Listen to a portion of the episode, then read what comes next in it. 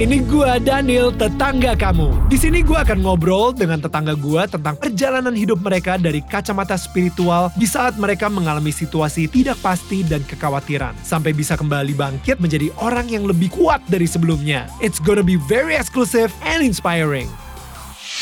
Masih ngobrol sama Ustadz Lukmanul Hakim atau Ayahman di Daniel Tetangga Kamu. Guys, please listen to our podcast karena cerita-cerita tetangga kita di sini itu mungkin sedang aja kalian butuhkan untuk menyelesaikan sebuah masalah yang sedang dihadapi. Karena dengan mendengarkan hal-hal yang baik, otomatis pikiran kita, perbuatan kita juga akan menjadi baik. You will be transformed. Jadi kalian juga bisa cek di semua digital platform podcast kesayangan kalian. Search aja langsung Daniel Tetangga Kamu. Alright, balik ke Ayahman.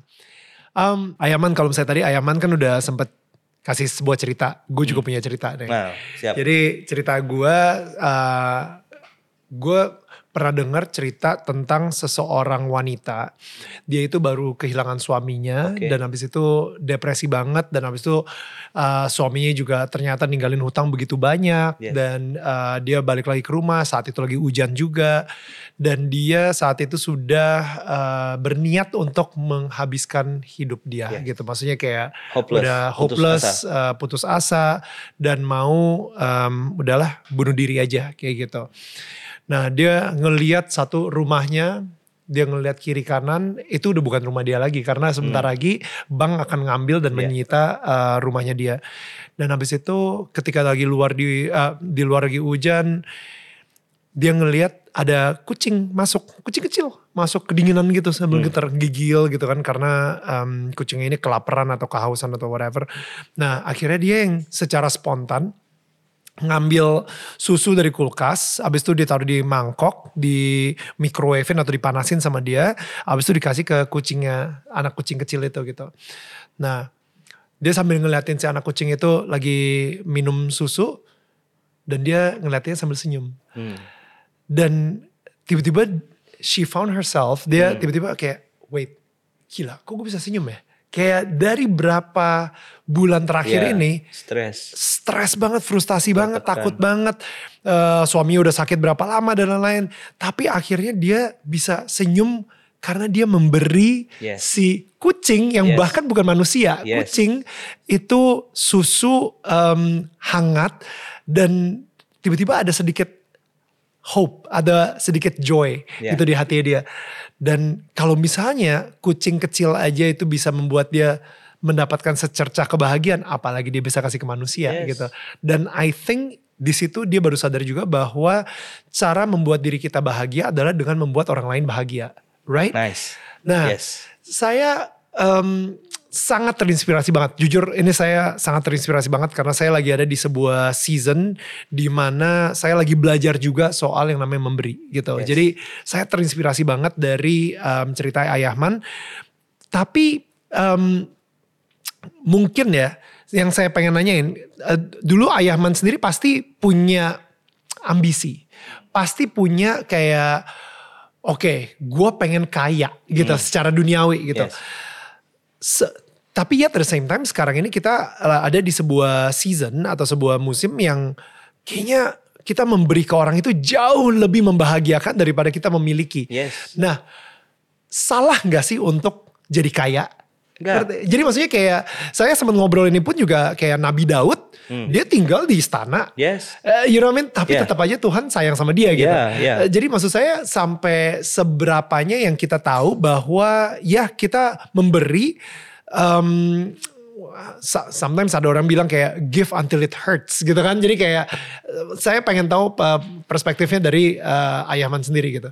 Ya, barang-barang itu semua sifatnya netral. Oke. Harta, uang, rumah. Itu netral semua. Artinya nggak penting motormu merek apa, dia parkirnya di mana dan dipakai untuk ke mana. Jadi kita bukan bicara gengsi, kita bicara fungsi. Punya rumah besar. Saya lihat orang-orang yang punya rumah besar nggak bahagia. Tapi saya juga lihat dan saksikan orang punya rumah besar digunakan untuk manfaat. Kolam renangnya dipakai untuk berenang tetangganya. Hmm. Karena anak kandungnya nggak mau pakai berenang di situ. Hmm. Dia punya restoran dipakai untuk traktir orang. Jadi bahkan saya bilang sama tim, sama anak-anak saya, sama keluarga-keluarga orang yang saya kenal, saya bilang to be rich is compulsory. Menjadi kaya itu wajib. Kaya itu ada dua, kaya secara mental dan kaya secara finansial. Hmm. Untuk apa? Untuk kita bisa nolong. Jadi kalau gini, ya Allah, kalau saya doanya ya, doa Hmm. saya Bang Daniel. Dulu dari dulu sampai sekarang, ya Allah kasih saya rezeki. Hmm. Saya nggak minta harta. Karena rezeki itu lebih besar, lebih luas daripada harta. Harta tuh part of. Apalagi duit. Ah, duit itu bagian kecil. Karena rezeki itu nggak mesti berbentuk uang. Wow. Bisa berlian, emas batangan gitu kan. Kan rezeki juga. Hmm. Harta juga. Iya, kan rezeki. Sehat, Oh iya iya. iya, Teman itu, yang itu. baik. Iya, iya. Tidurnya enak. gitu tidur kan. nyenyak. Tadi kan makanya saya minta yang lebih besar. Ya Allah beri saya rezeki. Ya. Nggak apa-apa banyak. Hmm. Yang penting halal dan berkah. Hmm, ya. Karena saya ngerasa gitu sih, kayak kadang-kadang ketika kita bantuin orang, ketika kita memberi, Hmm. kita mengharapkan mendapatkan itu kembali dari Tuhan. Itu kesannya kayak kita sangat kayak Transaksional. transaksional banget sama Tuhan, negosiasi banget sama Tuhan. Padahal rezeki yang Tuhan kasih ke kita mungkin berupa tidur yang nyenyak. Yes. Berapa banyak orang kaya di luar sana yang dia mau tidur pun harus pakai obat tidur. Ya. Yang kayak kadang-kadang gue mau bayar berapapun supaya gue bisa tidur nyenyak setiap Yes. malam.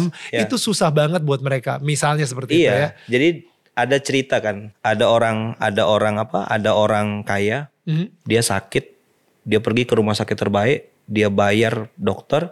Dia bilang, saya akan bayar berapapun untuk kesembuhan orang tua saya. Hmm. Kata dokter, kita akan coba yang terbaik pak. Tapi pada saatnya akhirnya ayahnya meninggal. Hmm. Lalu dia lemparkan satu koper itu dengan isi uangnya. Lalu untuk apa harta ini? Dokternya ngomong dikit aja. Pak, Bapak bisa bayar dokter terbaik. Bapak bisa beli rumah sakit dengan fasilitas terbaik. Tapi Bapak nggak bisa beli kesembuhan. Ya. Nah, uang atau harta yang kita miliki itu, itulah tadi saya bilang. Yang bikin masalah adalah ketika kita punya rasa memiliki. Hmm. Contoh ya, Bang Daniel pasti pernah ketemu sama orang terkaya di muka bumi. Hmm. Punya mobil banyak, Ya. nggak pernah sombong. Hmm. Mobilnya diambil satu-satu, nggak nggak sakit hati. Siapakah orang kaya itu? Tukang parkir. Kenapa dia disebut orang kaya? Karena kenapa dia nggak sakit hati? Begitu banyak mobilnya, tetap dia duduk ngopi-ngopi ya kan, main kipas kipas topinya, santai betul hidupnya. Padahal dia nyetirin mobil kita juga loh. Vale. Vale iya, juga. Vale kan. Kenapa dia nggak sakit hati? Kenapa dia nggak bangga, nggak IG story, hi guys? nih?" Enggak. Kenapa? Karena dia tidak merasa memiliki. Hmm. Maka di dunia ini sebenarnya itu bukan hak milik. Hmm. Yang ada itu adalah hak pakai. Hmm. Tubuh kita ini hak pakai. Hmm. Rumah kita hak pakai. Tahu kan cerita ada orang kaya di satu tempat, pembantunya yang ninggalin rumahnya di puncak. Begitu habis listrik, pembantunya bilang, bos listrik habis. Bosnya transfer. Hmm. Bos ini makanan habis, transfer. Jadi sebenarnya yang majikan yang mana? Yang tinggal di puncak atau yang kerja yang pergi pagi? Bener juga. iya kan? Iya ya. Bener Nah, juga tuh. Apa apa yang dia dia memilih? Misal dia punya sepatu mahal, Hmm. kakinya tetap kanan kiri juga. Saya udah ketemu kok sepatu-sepatu yang harganya sampai ratus-ratus juta tuh ya sama aja dipakainya di kaki nggak bisa di hidung, di telinga gitu nggak bisa. Punya jam tangan sampai miliar-miliar. Hmm. Ujung-ujungnya pakai tangan pakai jam tangan dua dia. Di sini yang 3 miliar, di sini yang untuk ngatur detak jantung. Ujungnya ini dilepas, yang ini yang dipakai. Beli lagi handphone apa jam tangan harga 7 juta untuk walkie talkie. Saya bilang ya Allah, masa kecil kurang bahagia. Kan nonton Night Rider tuh. Iya ya, kan? Bisa ngomong Nggak bisa ngomong kan. Udah punya jam tangan 3 miliar, dia punya jam tangan mahal tapi nggak punya waktu. Dia bisa beli kasur mahal. Nah, tadi ada dua jenis manusia, Nabi Daud, Nabi Sulaiman, kaya raya, sangat kaya, Hmm. tapi bahagia karena dekat sama Tuhannya. Hmm. Yang satu kaya raya, ya ya tadi tuh nggak tenang, ya gelisah, ya berantem, ya apa? Kenapa? Pasti jauh, Hmm. pasti jauh. Jadi harta itu barang yang netral. Hmm. Jadi kalau misal tadi kan kita ketemu ke rumah sakit, lihat orang sakit, terus kita bilang oh kasihan. Kalau kita dititipkan Allah rezeki dan itu kita tidak merasa memiliki, itu adalah titipan Allah dan dari Allah, kita akan dengan sangat mudah untuk menggesernya. Dan lagi-lagi rumusnya selalu berulang-ulang. Kata Allah, ketika kau membahagiakan orang lain, aku yang akan membahagiakan engkau dunia dan akhirat.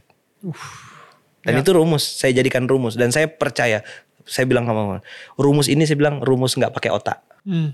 jangan pakai logikamu. Hmm. Hmm. Kenapa? Karena rumus ini hanya bisa dirasakan oleh orang punya hati dan punya iman.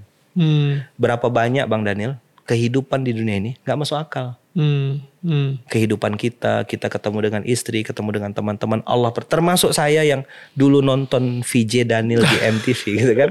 Hari ini Allah takdir ketemu, who knows, no one Iya. knows. Tapi saya yakin ini skenario Allah. Ya.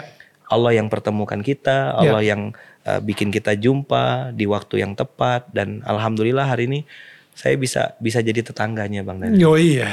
ya kan? Dan itu surprise. Dan saya nggak pernah atur, nggak pernah setting, nggak pernah juga tolong dong, tolong dong saya diundang. Saya ketemu aja baru ini sekarang. Ya betul betul. Dan alhamdulillah saya ngerasa oh iya ini bagian dari skenario skenario Tuhan. Dan ini juga eh, saya seneng banget sih eh, dapat dapat rekomendasi dari seorang eh, uas gitu ya. Eh, makanya thank you ya uas gitu.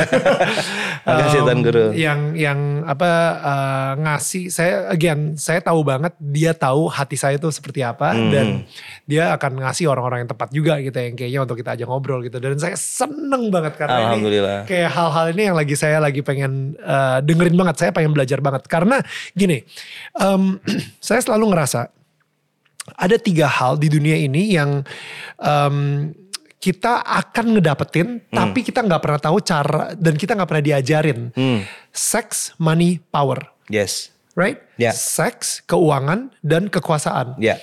Em, sehingga ya itulah harta wanita tahta Hmm. Em, kayak orang-orang sering banget jatuh di daerah situ Ya. gitu Em, ketika dia dapat tahta ketika dia dapat kuasa atau power wow em, you know di nggak usah nggak usah jadi pejabat deh Eh, dapat 10.000 ribu follower baru aja di Instagram tiba-tiba dia udah jadi Ya, punya ya. kuasa dan hati aslinya kelihatan gitu ya, kan. berubah sifat aslinya. berubah. Dan seks juga begitu. Kita nggak pernah diajarin soal seks eh, di mana mana pun eh, dan semua orang bilang ayo kapan kawin? Kapan kapan nikah? Kapan nikah? Begitu nikah nggak ada yang ngajarin tuh gimana cara nikah Ya, yang baik dan ada benar. tutorialnya ya. nggak ada tutorial.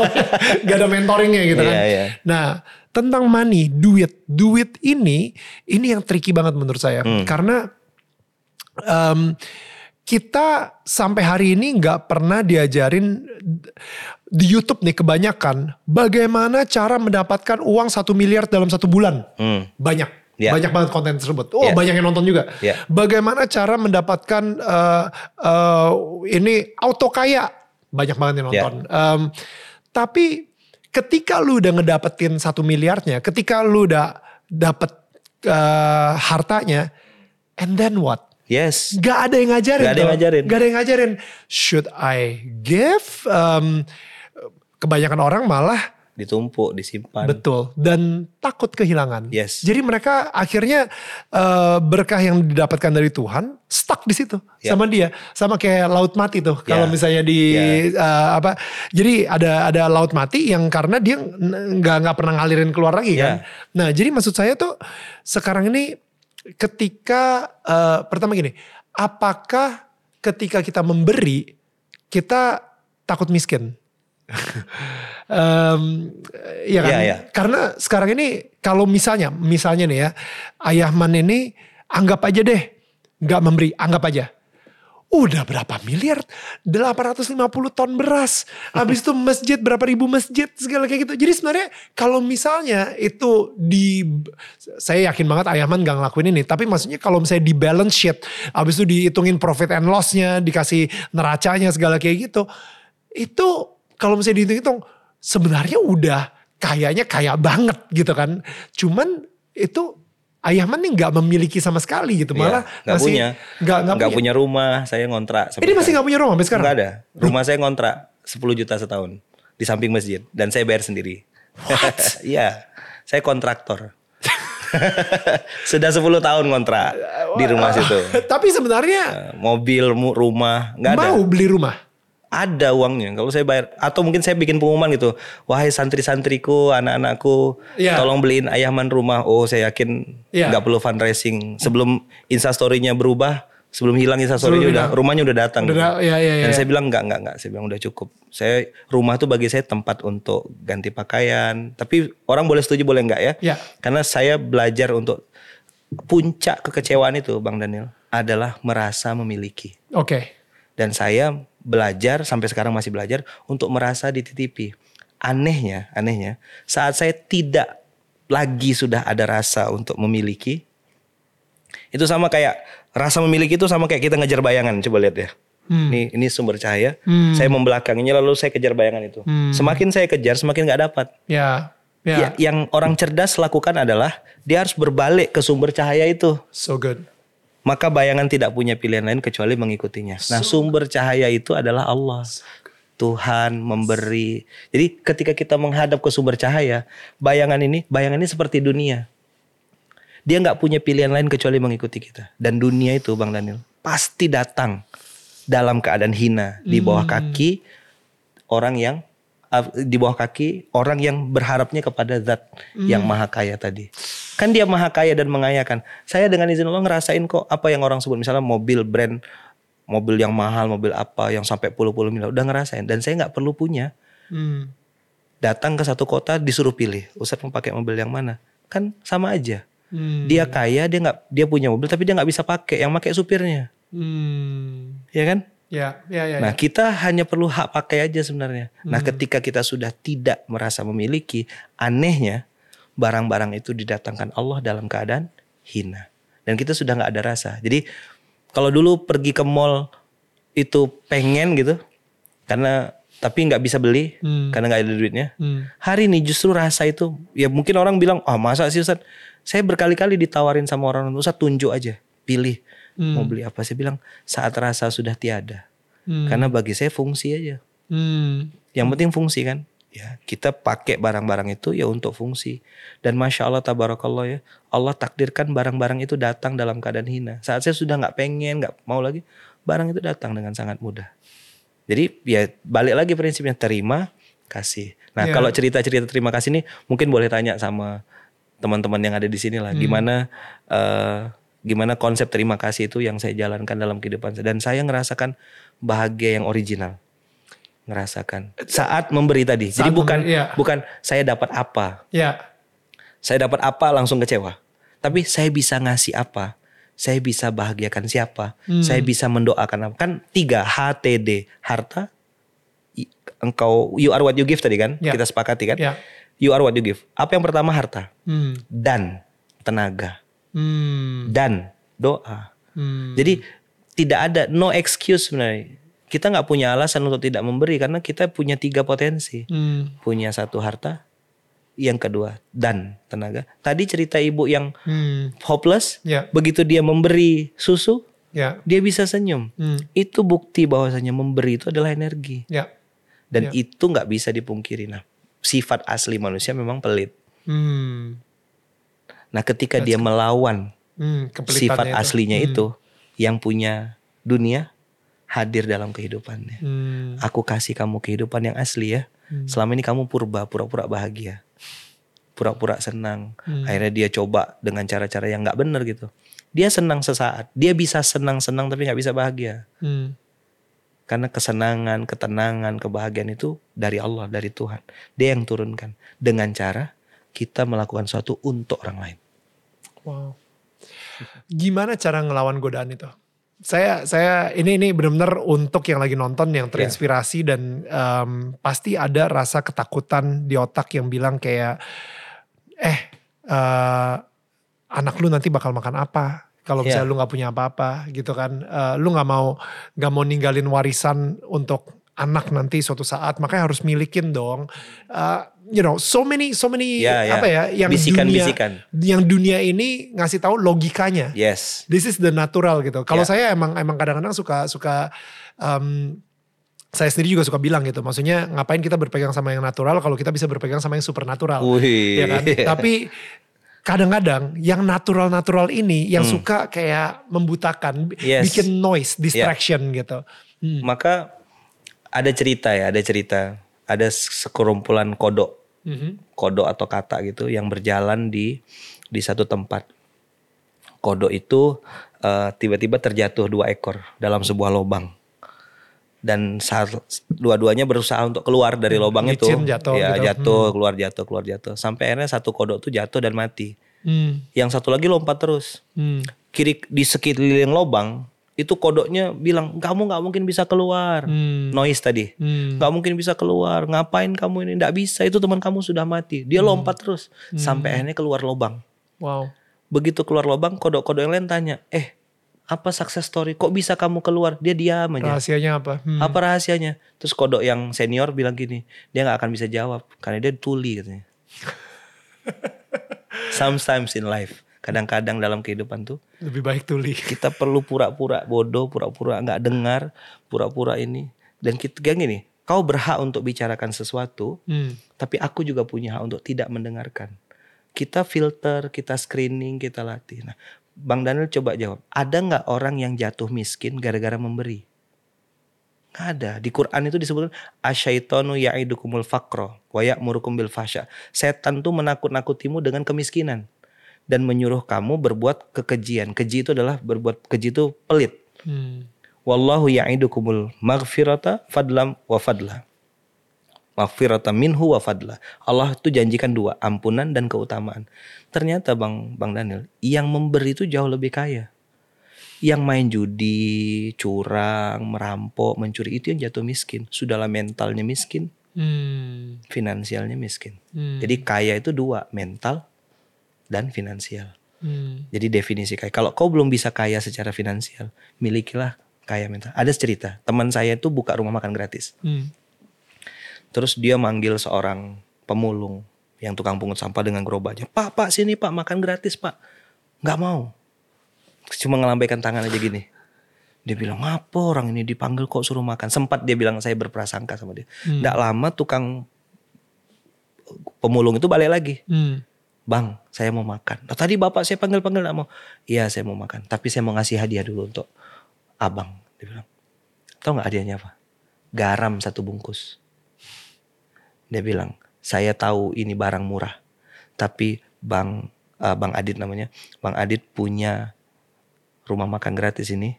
Pasti perlu garam. Come on. Saya nggak mau makan di sini bawa tangan kosong. Oh. Yuk jawab pertanyaan saya. Mobil dia tadi, eh Gerobak. dia tadi, secara fisik, secara lihat manusia itu dia orang miskin. Hmm. Tapi apa yang dia miliki? Dia punya mental yang kaya. Dan hari ini saya ketemu dengan banyak orang yang terlihat kecil tapi punya jiwa yang besar. Wow. Apa jiwa besar itu? Give Ya. memberi. Saya Ya. ketemu sama guru ngaji kampung di dalam hutan. Yang saya tanya, Ustadz ini kiri kanan nggak ada yang nggak ada yang melihat sinyal nggak ada, internet nggak ada. Ustadz nggak terhubung dengan sosial media, tapi terhubung sama Allah Subhanahu Wa Taala. Saya bilang, Ustadz ngasih ngasih makan, bagi-bagi apa ilmu gratis. Apa jawaban dia? Dia bilang, ini anak-anak di sini adalah umat Nabi Muhammad. Mereka hamba Allah. Mereka berhak dapat ilmu, mereka berhak dapat pengetahuan. Kalau saya nggak ngajar, bagaimana mereka, mereka bisa kenal sama Tuhannya? Hmm. Jadi masya Allah ada orang yang ditakdirkan Allah di dalam hutan Gila. masih memikirkan orang lain. Ya. Di Gontor di pondok saya dulu diajarkan orang besar adalah orang yang mau mengajarkan Quran, mau berbagi ilmu, mau mengorbankan waktu, tenaga pikirannya untuk mengajarkan Quran untuk membantu orang lain. Hmm. Tadi you are what, what you, you give. give.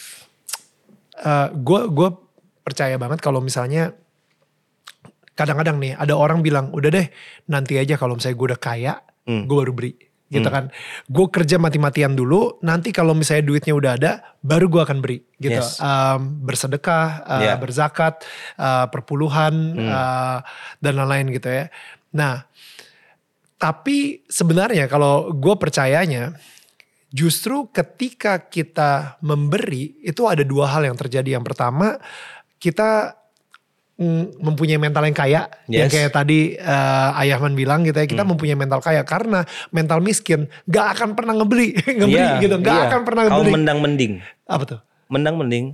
Ah mendingan yang ini aja, mendingan nanti aja, mendingan ya gitu. Iya, Namanya iya, kau iya. mendang mending. Jadi dia dia pokoknya berapapun dia punya duit berapapun dikit atau banyak, Tetap tapi aja dia nggak akan beri, itu dia mentalnya miskin. Emang Yes, udah orang miskin yes, gitu. Yes. Justru orang orang yang mempunyai mental kaya adalah ketika dia berani memberi. gitu. Yes. Dan yang kedua, dia akan ngasih tahu ke Tuhan bahwa hati gue ini tidak dikontrol oleh uang, tapi hati gue ini tetap gue serahkan ke Tuhan gitu. Yes. Jadi Tuhan pemilik hati gue. Ya. Jadi jangan sampai uang yang memiliki hati saya Ya. kayak gitu. Jadi tunjukinnya dengan apa? Ya dengan memberi, Memberi. tadi gitu. Em ad, ad- apa lagi sih manfaat dari memberi gitu? Jadi memberi itu, memberi itu memang dia tadi kan supranatural. Hmm, Saya yakin semua orang di dunia ini sejatinya pengen memberi. ya. Maka rumusnya kan start small, start easy. Hmm, Dan iblis atau setan, setan itu pintu gerbangnya kepada manusia itu bukan gini, jangan sholat, jangan sedekah. Itu pasti setannya masih anak baru gitu. Kalau setan yang sudah pro tuh, Iya, iya, iya. yang sudah levelnya Iya, iya. advance, Iya. dia pasti bilang dan goda-goda saya, goda Bang Daniel dengan kalimat nanti aja. Hmm, Maka pintu gerbang setan itu adalah penundaan. wow. Nanti aja nunggu dah kaya. Nanti aja saya akan ngasih ya Allah saat saya sudah kaya. Saya akan memberi saat saya sudah sukses nanti. Ternyata faktanya dia nggak sukses-sukses. Kenapa? Ya Allah saya pengen memberi. Kapan kata Allah? Nanti kalau sudah kaya. Ya udah kalau gitu kayanya nanti aja kata Allah. Rumusnya adalah do it now. Ya, Now itu kan N O W. Ini Ya. ini apa anunya saya aja Oke. apa apa cocokologi gitu kan. N O W. Oke. Now. do it now. Saya bilang do it now. Now itu kan kalau dibaca dari kiri ke kanan artinya sekarang. Hmm. Tapi kalau dibaca dari ke ka- kanan ke kiri, Uh, menang one. if you do it now, you won already. At least you beat yourself. Wow. So oke. do it now. So good.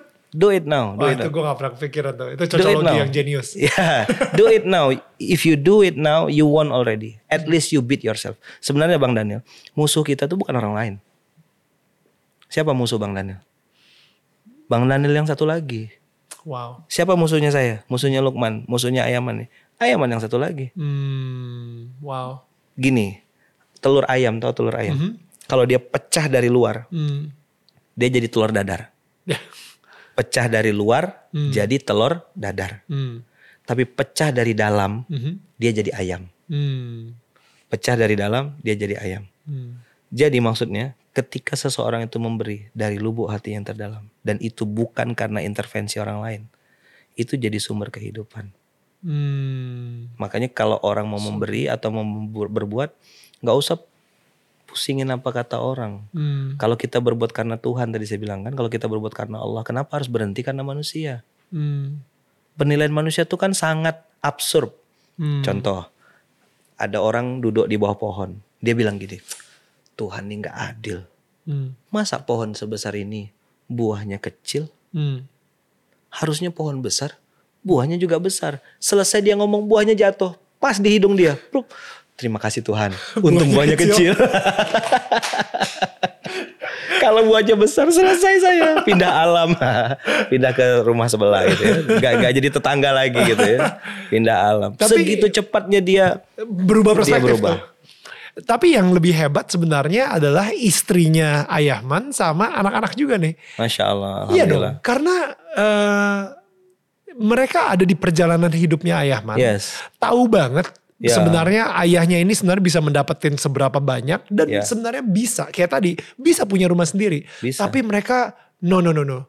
Ayahman adalah imam dari kita akan percaya apa pun yang beliau bilang. Itu butuh kepercayaan yang lebih luar biasa lagi. Ya, dan itu kalau kata guru saya namanya ilmu konversi. Saya pernah Bang Daniel ketemu sama orang kaya raya, Mhm. rumahnya di komplek elit, sangat terhormat, disegani dan lain-lain. Habis itu dia ngajak saya ke rumahnya. Mhm. Ustadz, ma- mampir dong ke rumah saya sebentar aja. Saya lihat bahasa tubuhnya nih pengen ngobrol. Hmm. Saya naik ke rumahnya ada bodyguard pakai baju hitam-hitam gitu. Wow. Mobil keluaran terbaru ada semua. Naik ke atas kolam renangnya panjang. Hmm. Terus dia tunjuk di pojok. Ustadz itu masalah saya. Dengan suara yang pelan itu. Itu masalah saya. Hmm. Di pojok sana istrinya mohon maaf lagi ngangkat kaki ngerokok. Padahal di luar dia sangat dihormati. Uh.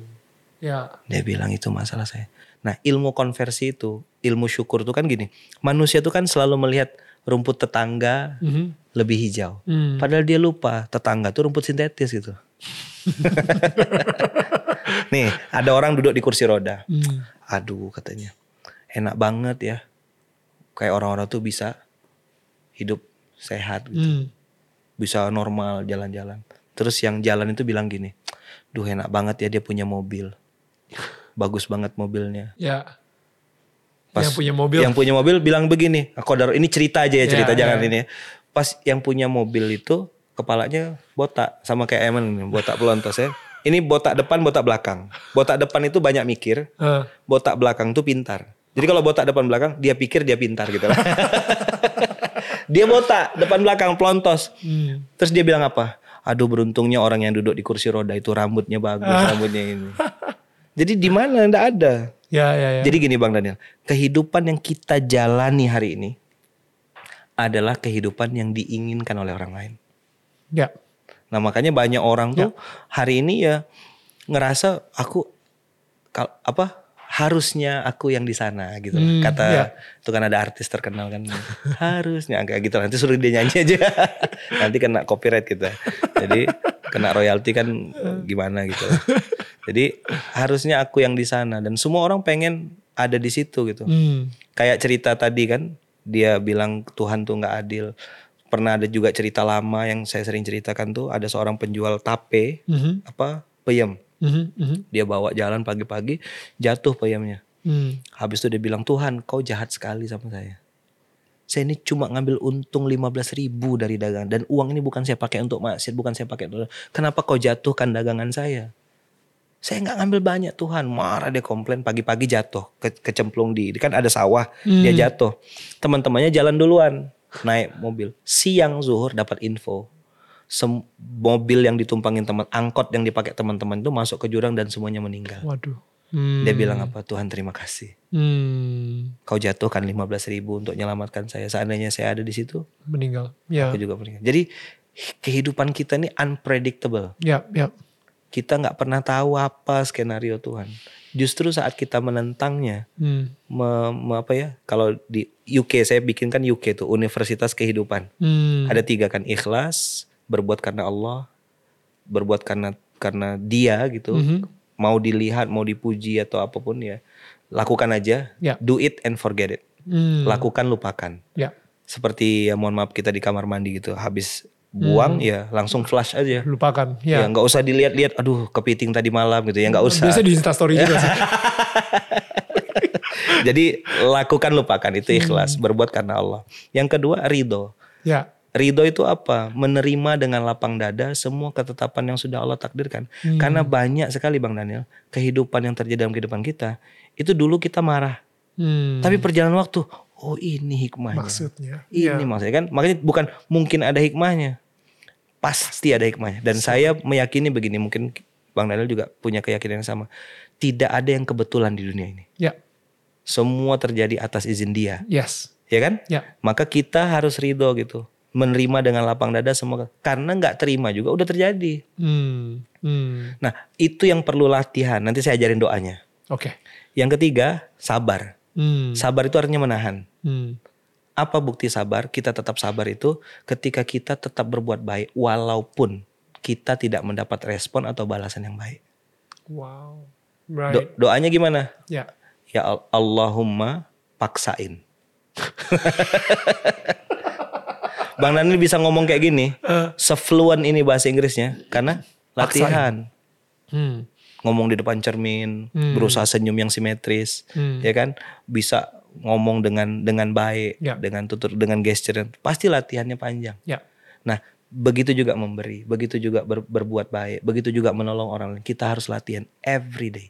Karena memberi itu adalah sebuah otot juga ya. Yes, Kayaknya ada otot yang harus mungkin kita nggak bisa langsung ngeberi satu Ya, rumah banyak atau ya. Start 850 ton gitu Ya, kan. Start Nah, small, start easy tadi. start small, start easy. And Kita- do it now. And do it now. Yes. Benar. Karena you won already kalau misalnya You do won, you won, you won already. Kita apa um, ya seperti otot lah. Kayak kita Ya. kalau misalnya ke gym itu nggak mungkin langsung, Langsung yang berat. barbel yang gede-gede Ya, gitu. Pelan-pelan. Yang kecil-kecil dulu, abis itu lama-lama kita Ya. bisa. Jadi um, ya untuk memberi pun juga sama seperti itu ya. Yes. Karena itu adalah sebuah muscle, uh, sebuah otot. Saya sendiri juga pernah dengar soalnya tentang memberi ini dan um, makanya saya dari tadi itu benar-benar kayak karena memberi itu bisa dibilang sebuah skill atau sebuah karunia atau anugerah dari Tuhan untuk orang-orang tertentu. Yes. Yang yang secara dia ini sebenarnya memberi itu udah nyantai banget, tapi untuk beberapa orang tertentu dia, Dia harus perlu latihan. perlu latihan. Maka tadi Allah mau Paksakan, paksain. paksakan,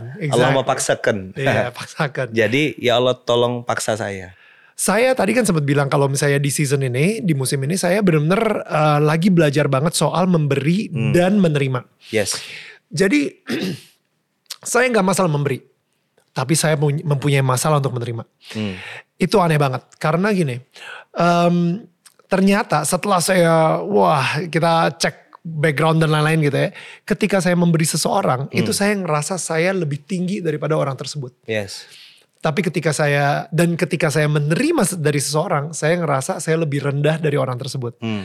Nah, jadi eh, kebetulan saya baca buku, em, bukunya ah, lupa.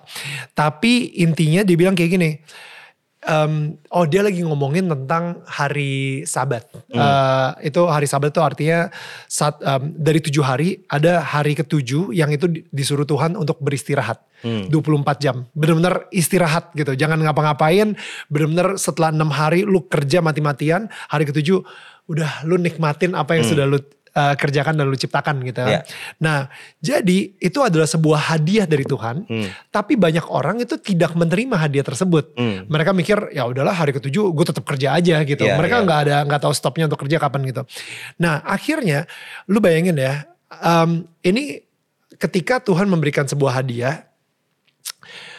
Dan refleks pertama yang lu lakukan ketika mendapatkan hadiah adalah bagaimana cara gue ngebales. Ya. Itu namanya pride. Itu namanya sebuah keangkuhan. Hmm. Dan itu gue kena banget sih pas uh, baca kalimat tersebut. Ya. Karena setiap kali gue menerima sesuatu dari orang, gue langsung mikirnya gimana cara gue ngebales dia. Hmm. Gitu. Kenapa? Karena ketika gue menerima, itu gue ngerasa lebih rendah dari orang tersebut. Hmm. Dan gue harus ngebales supaya minimal gue sama deh rata atau bahkan gue balasnya dengan yang lebih hebat lagi. Jadi gue tetap lebih tinggi statusnya. Dan itu gak sehat. Iya. Sangat toksik banget. Ya. Bagaimana cara seorang eh, ayahman em, bisa menerima? Jadi menerima itu kan hadiah ya. Hmm. Justru saat kita harap, jadi gini Bang Nan, kalau saya memberi si A Mhm. dan saya berharap si A yang balas saya, itulah toksik yang sesungguhnya. Hmm.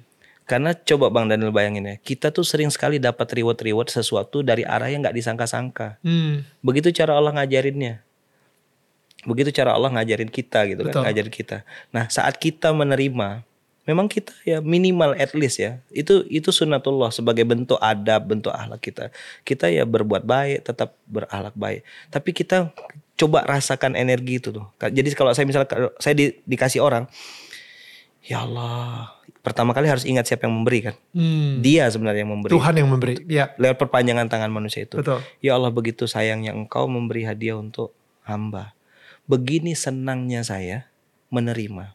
Maka saya akan belajar lebih lagi ya Allah untuk memberi orang lain supaya saya bisa memeras apa ya memberikan rasa bahagia Hmm. kepada orang yang menerima itu. Jadi tujuannya itu bukan mau balas, Hmm. tapi menghadirkan rasa senang, rasa bahagia. Jadi satu hari baginda Rasulullah ditanya, Nabi Muhammad ditanya sama sahabat, ya Rasulullah, pekerjaan apa yang paling dicintai Allah? Hmm. Tahu nggak? Banyak kan jawaban Rasulullah biasanya banyak. Hmm. Sholat tepat waktu, berbakti pada orang tua, Ya. eh, berbuat eh, baik, misal gitu kan. Tapi kali ini baginda Rasulullah menjawab dengan jawaban yang agak berbeda. Apa kata beliau? Perbuatan yang paling dicintai Allah adalah memasukkan rasa bahagia di dalam hati orang beriman. Wow.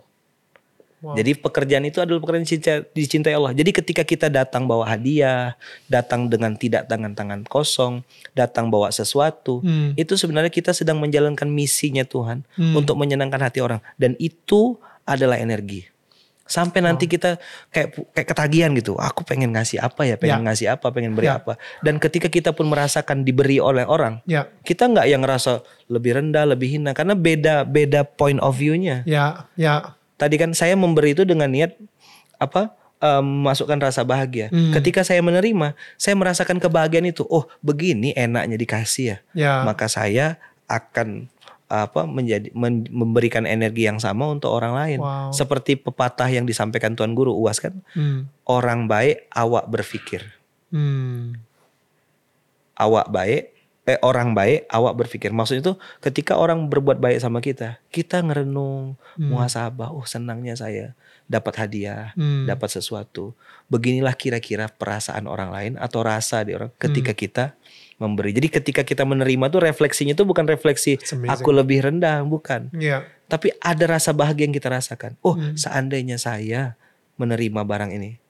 Oh, senangnya luar biasa. Saya Hmm. pernah Bang Daniel waktu itu ada pengalaman kecil gitu ya. Beras dua setengah kilo itu kalau dikonversi ke rupiah mungkin sekitar dua tiga puluh ribu lah, tiga puluh ribuan. Malam-malam setengah sepuluh malam saya ketemu dengan seseorang yang betulin rumah saya listriknya rusak, konslet gitu. Dia tukang listrik, saking listriknya dia motornya tuh dia ngidupin pakai kabel gitu, sih nggak pakai Hmm. kunci. Wow. Jadi tengah malam saya eh, minta tolong sama beliau setengah sepuluh, setengah sebelas malam selesai dia beresin rumah. Eh, di rumah tuh standby biasanya di masjid masjid kapal tuh standby beras beras dua setengah kilo yang kita memang sengaja kasih jadi giveaway gitu lah. Alright. Nah begitu satu malam dia betulin rumah, saya tuh ngasih dia beras. Hmm. Tahu nggak mas? Beras itu dipeluk sama dia Oh gila. dua setengah kilo tuh. Gila. Makasih Ustadz, makasih Ustadz. Ya saya bilang, kenapa saya bilang? Kan bagi saya tiga beras dua setengah kilo, ya bagi kita mungkin ya. Hmm. enggak ada. Saya ini ser- sering Ustadz katanya berdoa minta sama Allah supaya bisa ngasih tetangga saya. Hmm. Saya kan kerjanya serabutan. Hmm. Kalau di Pak Simatupang siang malam tunggu panggilan. Hmm. Kalau dipanggil baru datang. Saya enggak ada nggak ada duit Ustadz katanya. Tapi pengen berdoa. Nah tadi pagi saya betulkan masjid dikasih beras juga. Ah itu untuk makan saya ke sekeluarga. Malam ini Ustadz kasih lagi saya dua ke setengah kilo. Untuk Saya mau niatkan mau saya masakkan untuk tetangga saya. That's beautiful. Semenjak itu saya bilang oke oke oke. Hmm. Jadi kebahagiaan sesungguhnya itu bukan menerima sebenarnya. Hmm. Kebahagiaan sesungguhnya saat kita memberi. Nah saat kita sudah diizinkan Allah menjadi orang yang memberi. Hmm. itu kan kita memasukkan rasa bahagia itu kepada orang-orang. Hmm. Nah, sebenarnya kita sedang menambah saldo kebahagiaan kita sendiri. Hmm. Ya. Nah, Ya. itulah yang bikin kita tuh sehat, Hmm. bikin kita tuh berkualitas hidupnya, Hmm. bikin rumah tangga kita dan Allah perbaiki tadi kan. Saya juga bersyukur gitu Allah takdirkan dapat istri yang baik, dapat istri ah, keluarga yang ini. Tentu ya banyak kekurangan ya kalau orang lihat eh, istri saya bukan eh, bukan malaikat gitu ya. Dia manusia perempuan akhir bulan dan perempuan akhir zaman gitu lah. Dia perempuan biasa, punya kekurangan sama seperti saya. Tapi saya sangat bersyukur Allah takdirkan ada istri yang membersamai saya dan paham. Ya. Dan bagi saya itu anugerah dari Allah yang tak terhingga. Ya. Kalau Allah pilihkan mungkin istri yang lain mungkin beda cerita gitu loh. Hmm. Dan alhamdulillah Allah kasih anak-anak juga yang punya rasa yang sama dan itu priceless Ya. priceless bagi saya. Nah, jadi tidak selamanya rezeki atau hadiah dari Allah tuh berbentuk seperti yang kita pikirkan. Hmm. Nah, Allah, Allah tuh kan kadang-kadang suka bercanda gitu. Dunia ini kan permainan katanya. Tapi Allah kadang-kadang suka bercandanya suka bercanda yang ya kita kadang-kadang nggak kepikir gitu. Di luar ekspedisi gitu lah ya. Di luar ekspedisi. Nggak habis fikri gitu ya nggak habis fikri. Ya, ya itu gitu gitulah bang Dada jadi uh, you are what you give tuh memang harus dipaksain. Hmm. latihan itu terus berulang-ulang sampai akhirnya kita ngerasakan betul gitu ya. Oh iya ya. Ternyata kebahagiaan yang aku cari selama ini sudah Allah hadirkan Hmm. dan pintu gerbangnya salah satunya Hmm. dengan memberi, menyenangkan hati orang, membahagiakan dan itu memang perlu dilatih. Eh, kita balik lagi ngomongin soal menerima gitu ya. Hmm. Kapan sih kita tahu kalau misalnya emang menerima itu itu emang dari Tuhan? Eh, Kadang-kadang ada orang juga yang kita ngasih gitu ya.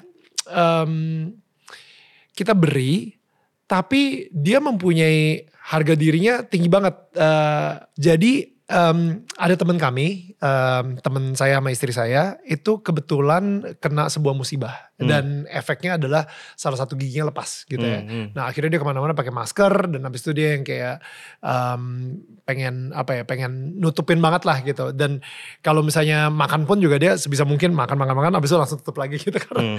nggak enak dilihat gitu menurut dia. Iya. Nah akhirnya istri saya tergerak em, kayak kayak Tuhan gerakin hati dia untuk ngasih ke si orang tersebut gitu. Iya.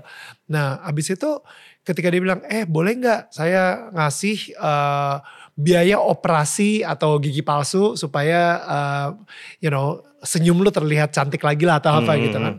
Tapi si orang tersebut bilang no no no no jangan jangan ke gua masih banyak kok yang lebih butuh dari gua Hmm, hmm. please.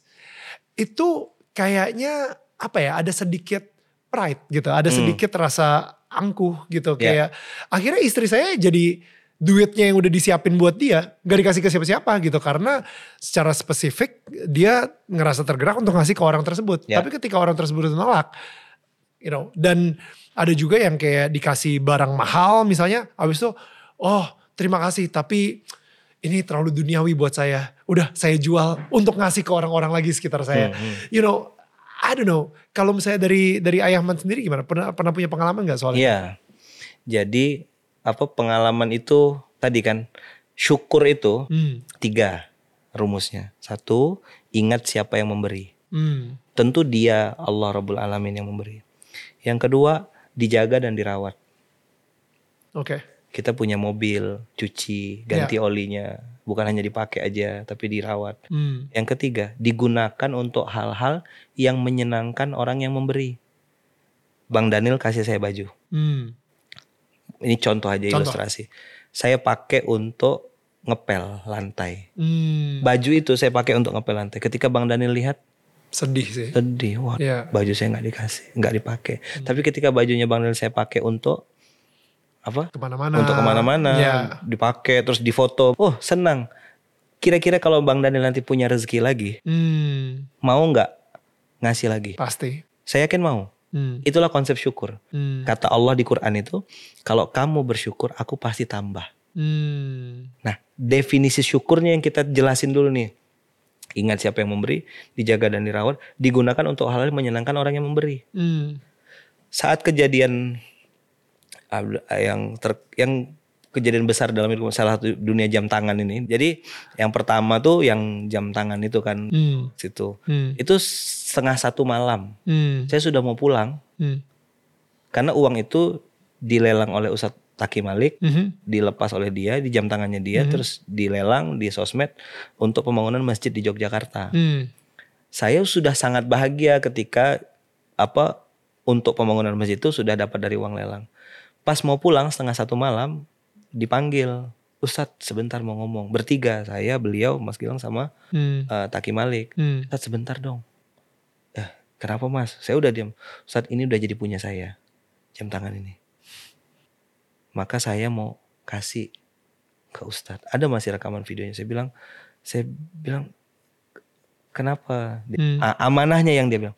Ustadz tolong dipakai untuk mengingat waktu sholat Hmm. bagi saya kalimat itu lebih mahal daripada jam tangannya Wow. karena saya lihat jam tangannya satu miliar pun harganya Hmm. 2 miliar pun saya lihat putarannya tetap aja 24 jam Ya, ya, nggak ya. bisa dipercepat nggak bisa diperlambat Wow. itu kejadian pertama kejadian kedua waktu saya di Masjid Nabawi waktu umroh kemarin Mhm. Ah, ini saya ceritakan supaya nggak jadi fitnah ya karena kan orang bilang rumah ngontrak pakai jam tangan mahal jangan-jangan KW jangan-jangan makan duit umat gitu kan Hmm. kan ada pantun nih aku pakai motor butut kau tak mau ikut Hmm. aku pakai Alphard kau bilang makan duit umat gitu kan selalu salah padahal mobil itu bukan mobil saya mobil masjid mobilnya orang baik termasuk mobil yang saya pakai hari ini Hmm. ke sini Hmm. dipinjamin sama beliau plus supir-supirnya Wow. Wow. dia bilang pakai Ustaz saya bilang izinnya bang ya saya pinjam Hmm. ini hak pakai aja Hmm. jadi nah waktu itu saya di Nabawi ada orang yang kenal saya lewat sosmed aja bang Bang Hmm. Orang kenal saya lewat sosmed 2018 terus pas umroh kemarin saya Januari Februari itu umroh saya di Masjid Nabawi. Dia nyusul. Dia nyusul. Saya ketemu dia baru pertama kali itu. Habis selesai sholat saya bisik sama saudara saya guru saya Ustadz Riza yang di Bandung yang punya Syamil. Saya bilang Ustadz itu jam tangan di tangannya jam tangan mahal Ustadz. Hmm. Epi Hmm. Oh, the Mars Piguet. Ah, itu jam tangan mahal. Hmm. Saya tunjukin harga harganya ke Ustaz Riza. Lagi di toilet tuh, lagi di di tempat wudhu. Hmm. Jam tangan mahal. Selesai saya, saya kan ada kajian rutin setiap subuh namanya SMK, subuh menggapai keberkahan. Hmm. Jadi itu dari 2012 setiap hari. Oke. Nah, saya ya apa berbagi cerita gitulah di situ. Selesai SMK dia panggil Ustaz boleh ngomong sebentar nggak? Beliau lepas jam tangannya, lalu dikasih ke saya. Ustaz kayaknya Ustaz yang lebih cocok make. What? Di di masjid saya baru ketemu pertama kali. Nih tadi ada kalimat Bang Nan. Habis itu saya diam kan. Ustaz Riza langsung loh mana jam tangannya? Udah pindah di sini. Dan saya lihat itu ah, cuma ada 100 di dunia dan itu nomor 10 dari Dari 100. saya saya lihat buka Ya. buka buka googling kan harganya 79.999 USD 1,2 M. Saya diam aja. Ya Allah kalau bercanda tuh jangan gini-gini banget lah. Nanti orang bilang Makin apa? banyak fitnah. Banyak Ya, fitnah. saya pakai mobil Alphard yang butut aja dibilang makan duit umat kan. Apalagi pakai barang-barang branded barang-barang. Dan nah ini ada cerita di balik itu Bang Daniel. Nanti boleh tanya sama anak-anak teman-teman ya. Kan tadi saya bilang you are what you give. Hmm. The- jadi eh, if you give more you will get more Hmm. karena dia kan maha kaya ya Hmm. dan maha mengayakan Tapi jangan sampai itu jadi motivasi kita ya. Yes. If you give more, you you get more. Maksudnya kalau saya bukannya you give to get, tapi kalau saya bersyukurnya I get to give. yes Kita yeah. eh, dapat bahagia tadi kita dapat punya senang untuk kita bisa memberi juga Yes, gitu. gitu. Oke, ya cerita backstory ya, sorry sorry. Jadi ketika eh, sebelum kejadian itu, Hmm. Saya tuh memang tahu rasanya ya, karena saya tuh suka jam tangan. Jadi ketika nengok orang pakai jam tangan tuh saya suka gitu. Hmm. Karena itu ngingatin waktu. Mungkin beberapa orang yang dikasih jam tangan tuh nggak suka karena dibilang ini suruh saya cepat mati katanya gitu kan. Nah jadi saya beli beberapa jam tangan Hmm. itu dan memang saya standby kan itu untuk dibagi-bagikan jadi giveaway. Oke, ya, ya, ya. Nih pakai nih pakai saya lihat orang jam tangannya udah lepas apa. Hmm. Jadi apa yang kita berikan, memang itu yang kita berikan. Tapi bang dan itu hanya bisa terjadi saat kita sudah nggak punya lagi harapan apa-apa, nggak Hmm. berharap feedback tadi saya dapat apa. Hmm. Saya udah coba gitu. Ketika berharap nih, kayaknya bentar lagi dapat nih. Hmm. Saat kita berharap itu hilang barang itu nggak ada. Tapi saat udah nggak ada lagi, tadi saya bilang kan nggak masuk akal, Ya, tapi masuk rekening. ya, ya, ya. Tiba-tiba ada SMS masuk, uang sekian. Dari mana? Siapa yang ngasih? Ya, ya, ya. nggak kepikir memang ya nggak mas itu di luar ekspedisi tadi tuh akan beli rumah nggak kira-kira? Suatu saat akan beli rumah nggak? saya sam- diskusi sampai hari ini sama anak-anak sama istri mereka bilang nggak usah Gila. nggak perlu ya katanya kita udah bisa tinggal dekat masjid Ya, di sini udah cukup lebih dari cukup gila. kami udah udah MTC Apa tuh? menentukan titik cukup Itu sulit banget. jadi gini bang Dani ini sharing ya cerita Boleh. ya kata-kata sulit Hmm. kata-kata nggak mungkin Hmm. itu sulit banget Hmm. kalau saya nggak pernah mau pakai itu Hmm. Jadi saya bilang ganti kata-kata sulit dengan saya sedang berusaha. Hmm. You are what you say. Ya, ya. ya Jadi ya, ya. gini, maka dari tadi saya bilang saya ini sedang belajar dan sedang berusaha, Hmm. sedang melakukan. Jadi ya Allah saya saya tahu sabar itu tidak mudah, tapi mudahkan saya ya Allah untuk bisa melakukan sabar dan I'll do my best. Ya. Jadi ya. ketika itu menjadi doa, Ya. energinya beda. Ya. Termasuk saya kan ada kerjaan sampingan saya Bang Daniel. Pekerjaan kerjaan utama saya guru ngaji kampung. Oke. Sampingan? Saya kerjaan sampingannya konsultan perusahaan, Oh gitu. jadi komisaris di beberapa perusahaan itu kerja sampingan. Kerja utamanya guru ngaji kampung. Makanya saya waktu ketemu sama artis tuh terkenal di Jakarta di, di Indonesia, saya bilang "E, abang nih artis ya, saya bilang. Saya nih ngefans sama abang gitu. Saya ini guru ngaji kampung bang, nah, gitu lah kira-kira. Hmm. Mungkin beliau ada di sini mungkin. Kayak Iya, gitu. iya, iya. Gak boleh sebut nama ya. Iya, jangan, kehormatan. jangan, jangan sebut label, jangan sebut label.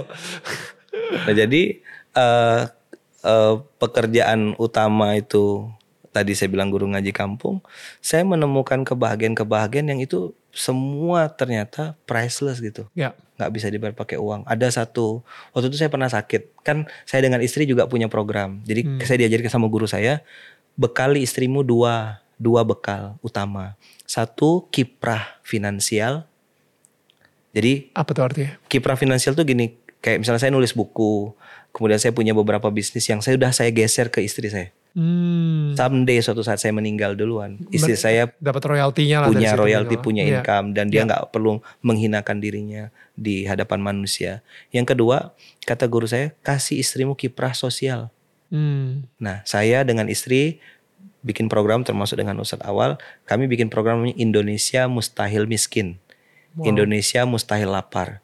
Itu apa menjadi jembatan kasih sayang tadi jembatan amal soleh bukan uang saya ada uang orang-orang baik Hmm. yang nitipin ke kita yang kita juga usahakan itu ngasih makan eh, ngasih paket sembako paket-paket itu hadiah gitu untuk guru ngaji kampung tukang gali Hmm. kubur pemandi jenazah marbot masjid dan itu atas izin Allah sudah jalan kurang lebih 35 bulan kurang lebih 800 orang setiap bulan dan bulan ini 36 Hai. hai hai Hai. hamba Ya. Allah istimewa Hamba Allah istimewa. kami nyebutnya hamba Allah istimewa Keren banget. Nah jadi ketika saya meninggal, istri saya tetap punya Ya. bekal untuk dia menghadap Oh. Tuhan. Karena gini Bang Daniel, saya pergi ke, ke Jakarta aja, cuma empat hari nih, bawa satu koper besar. Hmm. Ada baju ganti, ada perlengkapan mandi. Padahal di Jakarta kan ada jual baju.